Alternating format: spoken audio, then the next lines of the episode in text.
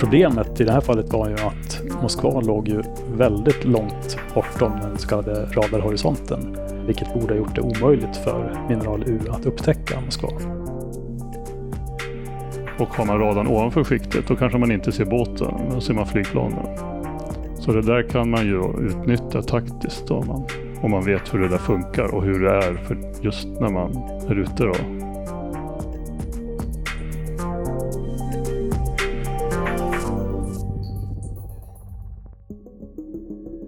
Hej och välkomna till det här avsnittet av Rapporterat som ska ta er tillbaka lite i tiden till något undligt som hände den 13 april 2022. Dagens Eko kvart i fem. Ukraina påstår sig ha sänkt Rysslands gigantiska örlogsfartyg Moskva i Svarta havet. Ja, men jag tänkte att vi kan ju prova att, att börja lite tidigare då. Det här är FOI-forskaren Lars Norin som jobbar på enheten Telekrig mot radarsystem som ska hjälpa oss att förstå lite vad som kan ha hänt den där dagen.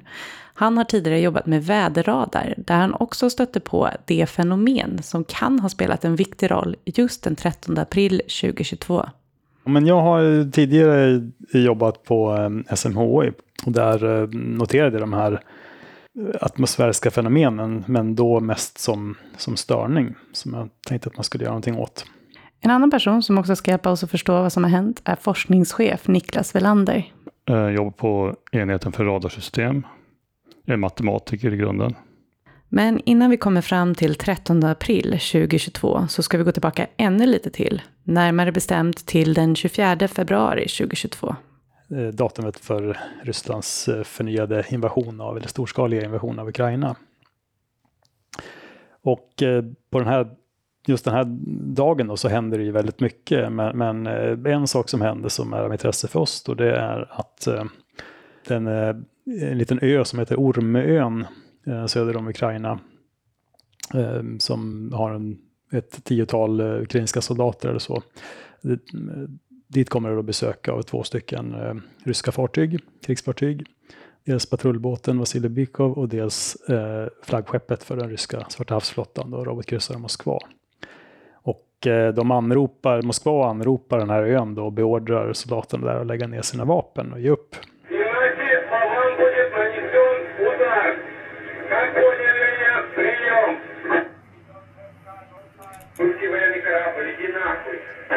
Ukrainska myndigheter publicerar inspelningen från Ormön den där dagen på sociala medier och klippet där den ukrainska soldaten trotsigt säger åt det ryska skeppet att dra åt helvete sprids över världen.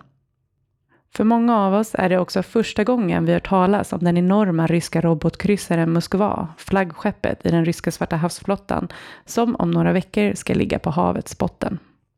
Och det, det är just det här fartyget som vi intresserar oss för. Sen eh, eh, lite efter det här då, så, så dyker det här fartyget upp igen då i nyheterna. Först eh, den 12 april då eh, ger ukrainska postverket ut ett eh, frimärke för att eh, ja, stärka krigsmoralen helt enkelt med, med eh, minneshålla det här uttrycket från, från eh, soldaterna på, på Ormön. Eh, så på frimärket då så ser man en ukrainsk soldat i förgrunden som pekar finger åt just Moskva då, som syns i bakgrunden där. Och sen bara dagen efter det så eh, kommer det fram att eh, det har inträffat explosioner på det här fartyget ute i Svarta havet. Och ytterligare en dag efter det, den 14 april, då eh, bekräftas det att det är sjunkit. De första rapporterna om vad som har hänt den 13 april är förvirrande. Enligt ryska myndigheter ska en brand ombord ha antänt ett ammunitionsförråd som sedan exploderat. Men ukrainska myndigheter hävdar istället att skeppet träffats av två ukrainska sjömålsrobotar av modell Neptun R360. Och den versionen får stöd av amerikanska myndigheter några dagar senare. Men då uppstår nya frågetecken. Den här sjömålsroboten då, Neptun, den eh, används tillsammans med ett, ett, en eldledningsradar som heter Mineral U som också är en uh, ukrainsk version av en från början uh, sovjetisk radar. Och det är eldledningsradarn som upptäcker målen som, och ger koordinaterna sen då till, uh, till sjömålsrobotarna så att man vet vad man ska skjuta på. problemet i det här fallet var ju att Moskva låg ju väldigt långt bortom den så kallade radarhorisonten. Eh, vilket borde ha gjort det omöjligt för mineral U att upptäcka Moskva. På nätet dyker flera konspirationsteorier upp och en sån som diskuteras mycket är att det kan ha varit amerikanska flygplan som har gett Moskvas koordinater till den ukrainska militären. Något som då skulle ha sett som en kraftig eskalering av USA. Men det finns också mer vetenskapliga förklaringar till varför ett radarsystem som i vanliga fall skulle se runt 50 kilometer plötsligt kan se mer än dubbelt så långt. Forskningschef Niklas Wilander. Det är välkänt sedan länge att det är möjligt att se väldigt långt eh, när det uppstår så kallade ledskikt i atmosfären. Olika temperaturer, luftfuktighet och tryck i atmosfären kan ibland leda till det som forskarna kallar för anomala vågutbredningsförhållanden, som superrefraktion eller ledskikt. Och det är inte bara radar som påverkas av det här fenomenet. Det här är elektromagnetiska vågor som vi använder för telefoner och allting. Så att eh, sådana här beräkningar är intressant också för sådana mobiltillämpningar, så här, kommunikation. Ja, det kan påverka hur långt man kan ringa menar du? Ja. ja. Och det, det påverkar, det märker man på somrarna. Ibland har man bra mottagning på en plats, ibland är det sämre. Det kan ha att göra med atmosfären. Det går några månader och exakt vad som händer den där dagen förblir ett frågetecken. Men i december 2022 publiceras en artikel i Ukrainska Pravda som fångar forskarnas intresse. Jo, men här reagerar jag på att, att dels att de säger att eh, de fick inte någon koordinat, utan det var de som, de som upptäckte det och det var ett oväntat mål som dök upp. Och viktigt här då är tidpunkten, klockan fyra säger de, eh, lokal tid, eftermiddagen den 13 april. Eh, de konstaterar själva också att nej, men de borde inte ha sett Moskva med den radar de hade. Men de gjorde det. Och sen kommer det då eh, ja, mer spekulation från deras sida varför de gjorde det. Då. Jo, men då, det, var, det var moln och signalen studsade nog mellan vattnet och molnen och sådär. Eh, men just, just förklaringen då att, att det var väderberoende och att vi fick en tidpunkt, det gjorde att vi blev intresserade att se om vi kunde använda de metoder som vi har tagit fram för att se om, det, om vi kunde se att data stärker den, eh, den förklaringen. För att förstå hur vädret kan påverka ett radarsystem är det bra att veta hur en radar fungerar. Förenklat så skickar radar ut korta pulser av radiovågor, alltså elektromagnetisk strålning. De här radiovågorna reflekteras sedan av olika föremål längs vägen och gör det möjligt för avsändaren att få en bild av vad som finns inom ett område. Hur långt man kan se med en radar varierar beroende på flera faktorer som vi ska prata om lite senare, men det finns också en mer naturlig begränsning för hur långt man kan se med ett radarsystem. Framförallt om man tittar då på mål nära marken eller över havet då, så är en begränsande faktor i många fall, det är horisonten, det är att jorden kröker sig. Man kommer inte att se bortom den helt enkelt. En annan sak som påverkar hur långt man kan se är atmosfären. Utan atmosfär skulle radiovågorna gå i en rät linje från jorden och rakt ut i rymden. Och det skulle vara enkelt att se exakt var horisonten satte stopp. Men vi har ju atmosfär och atmosfären kommer att bidra till att radarvågorna kommer kröka sig vanligt och följa med jordytan lite grann. Så man ser lite längre. Och normalt så brukar man säga att eh, det, radar ser ungefär 15 procent längre än vad man gör eh, geometriskt. Då. När man ska räkna ut hur långt en radar når så använder forskarna sig bland annat av Snells lag, som också kallas för brytningslagen. Alltså vad som händer med ljuset när det går från ett medium, som till exempel luft eller vatten, till ett annat. I alla medier eh, eh, så går den ju långsammare än i vakuum. Och ju långsammare den går, desto mer får man en krökning när man då har eh, en övergång mellan, mellan två olika medier. Det är också samma fenomen som gör att om du stoppar en penna i ett glas vatten så ser det ut som att pennan brutits isär precis vid vattenytan. Och atmosfären i sig kan man om man vill dela upp i ett antal tunna, tunna skikt som ligger på varandra. Där det är oftast då tjockare eh, och högre brytningsindex ju längre ner man kommer och sen så blir den eh, mindre och mindre ju högre upp i rymden man kommer. Då. Vad är det, får jag fråga då, vad är det som påverkar brytningsindex i atmosfären? Vad är det för faktorer som kan göra att det det är temperaturen, det är trycket och det är luftfuktigheten. Och sen det viktiga är då att eh, det måste vara en gradient, det måste vara en skillnad. Det är den som kommer, om det skulle vara likadant hela tiden då skulle vi inte få någon brytning. Men när vi får en, eh, en gradient, en skillnad i, i de här parametrarna, då får vi eh, eh brytning upp. Så att när man använder den här eh, beskrivningen av atmosfären, Eh, då, får man, då kan man ta fram en enkel modell eh, som man den stämmer ibland. Eh, den är väldigt enkel att räkna med. Och den ger den här eh, 15 längre radarhorisonten då än, eh, som man vill ha. Då. Och eh, den här brukar man kalla för en normal atmosfär och det är nästan alltid den atmosfären som man räknar med. Eh, men den är också statisk. Eh, den kommer inte att ändras eftersom det är exakt samma modell man använder då hela tiden.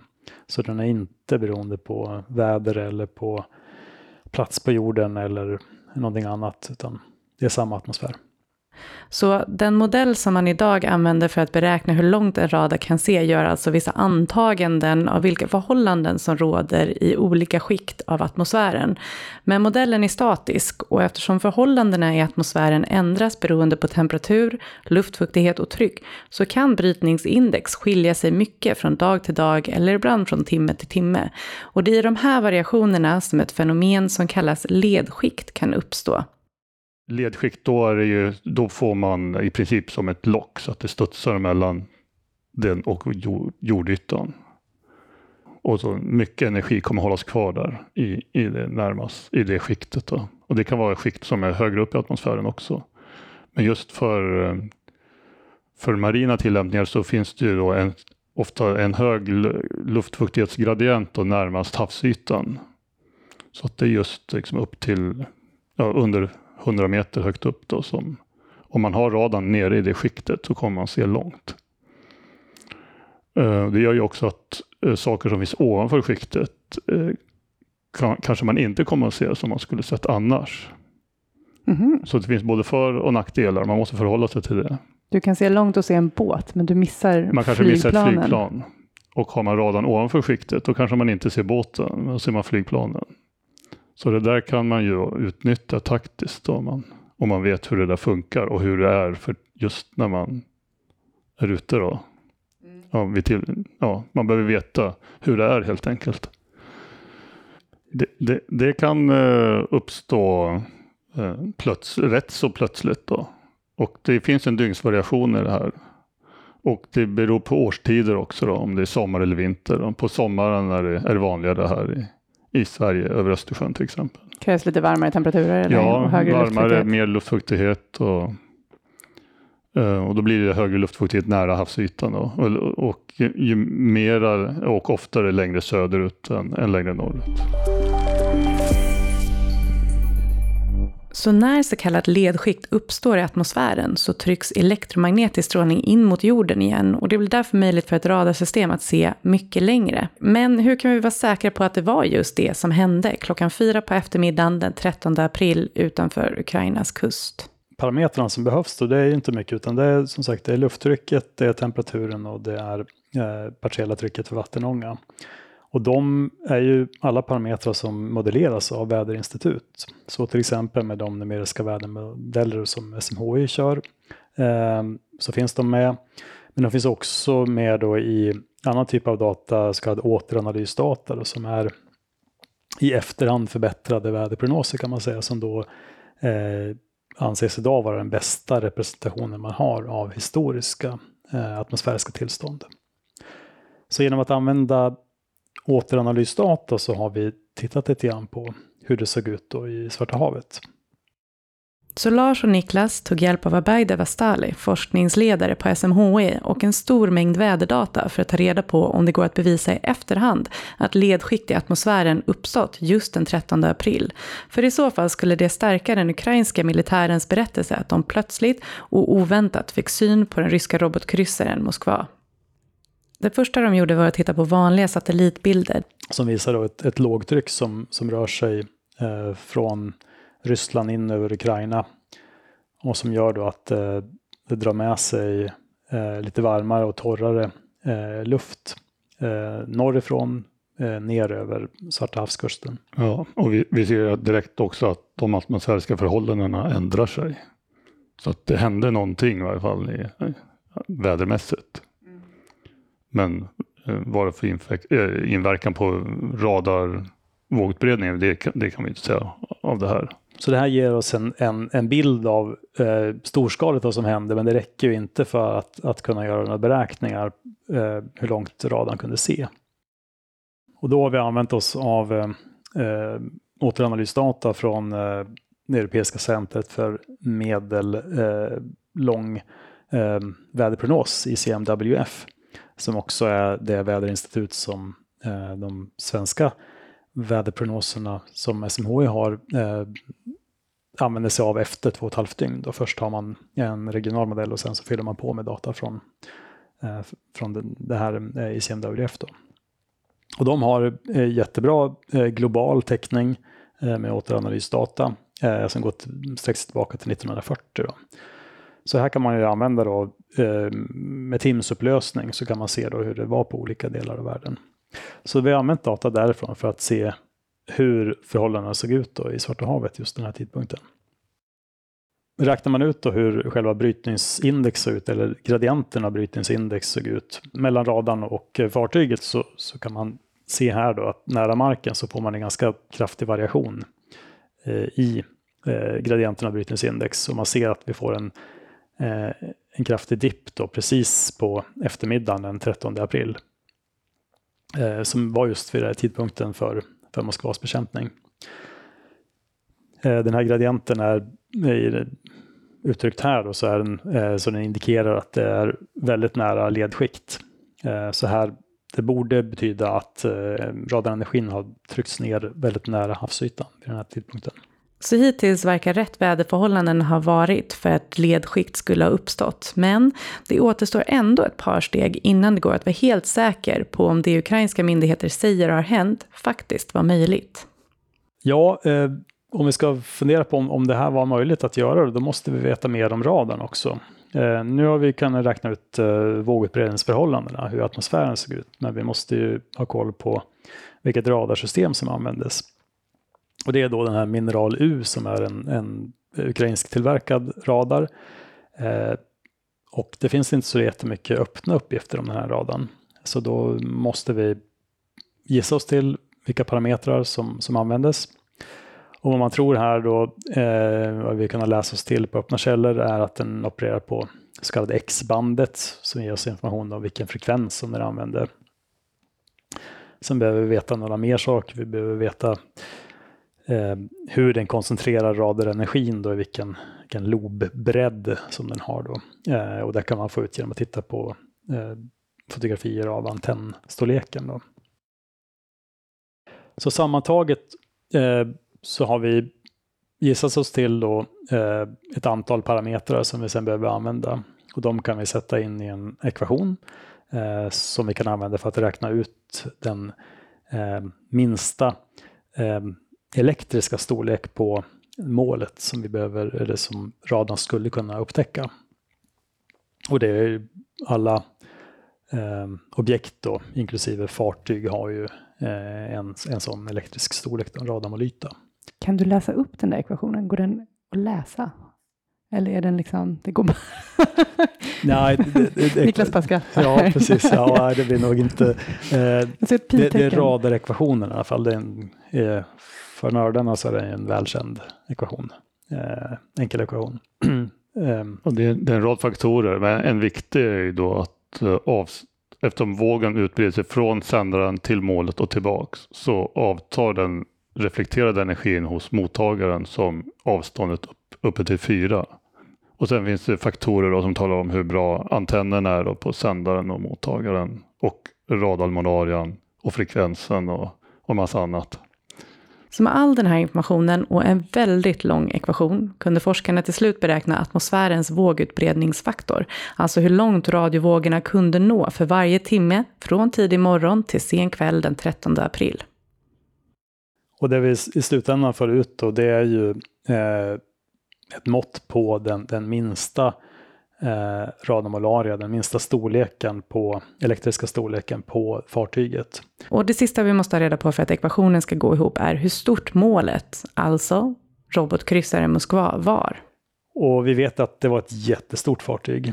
Eh, och det var byggt, det var ett sovjetiskt fartyg från början. Eh, det var långt innan man började göra eh, smyganpassningar för fartyg.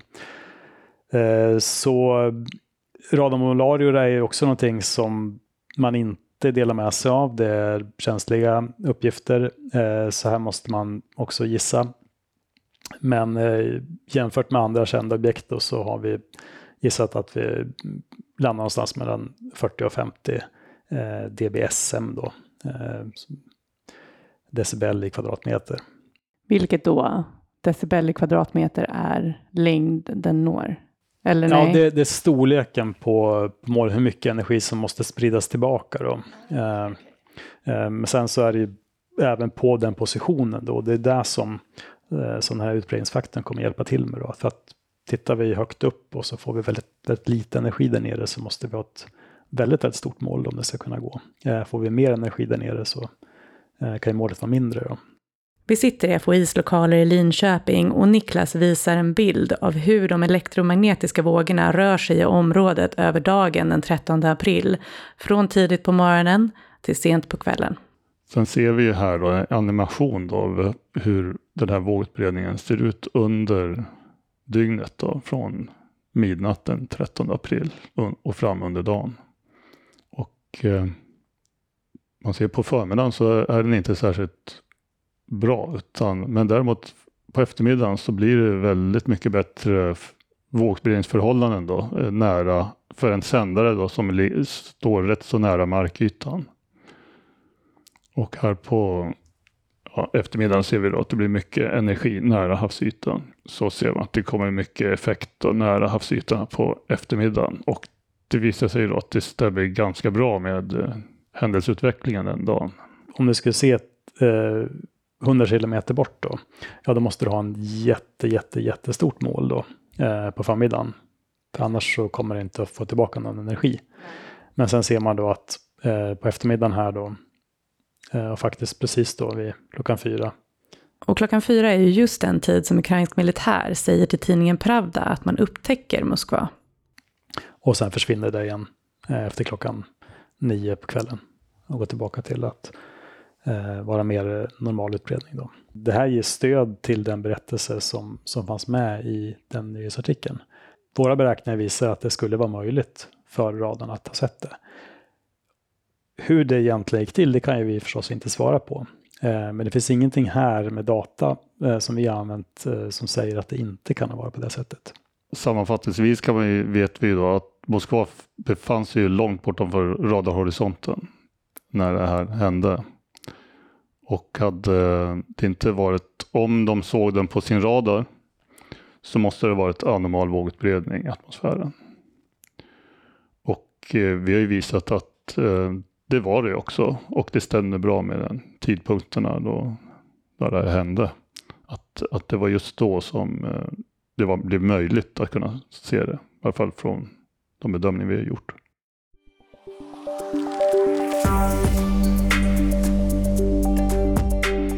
Det är alltså fullt vetenskapligt möjligt att ett ledskikt i atmosfären som uppstod just på eftermiddagen den 13 april gjorde det möjligt för ukrainska radarsystemet Mineral U att se nästan tre gånger längre än vanligt. Vilket i sin tur gjorde att den ukrainska militären kunde skjuta ner den ryska robotkryssaren Moskva nästan 130 kilometer bort. Och vill du läsa mer om det här fenomenet ledskikt och se exakt hur forskarna har räknat så har Lars Norin och Niklas Villander tillsammans med SMHIs Abay Vastale nyligen publicerat en artikel i den vetenskapliga tidskriften The Bulletin of the American Meteorological Society. Tack för att du har lyssnat på Rapporterat, en podd som produceras av Totalförsvarets forskningsinstitut. Jag heter Kajsa Collin och i poddredaktionen sitter också Albert Hager Bernats och Madeleine Filander.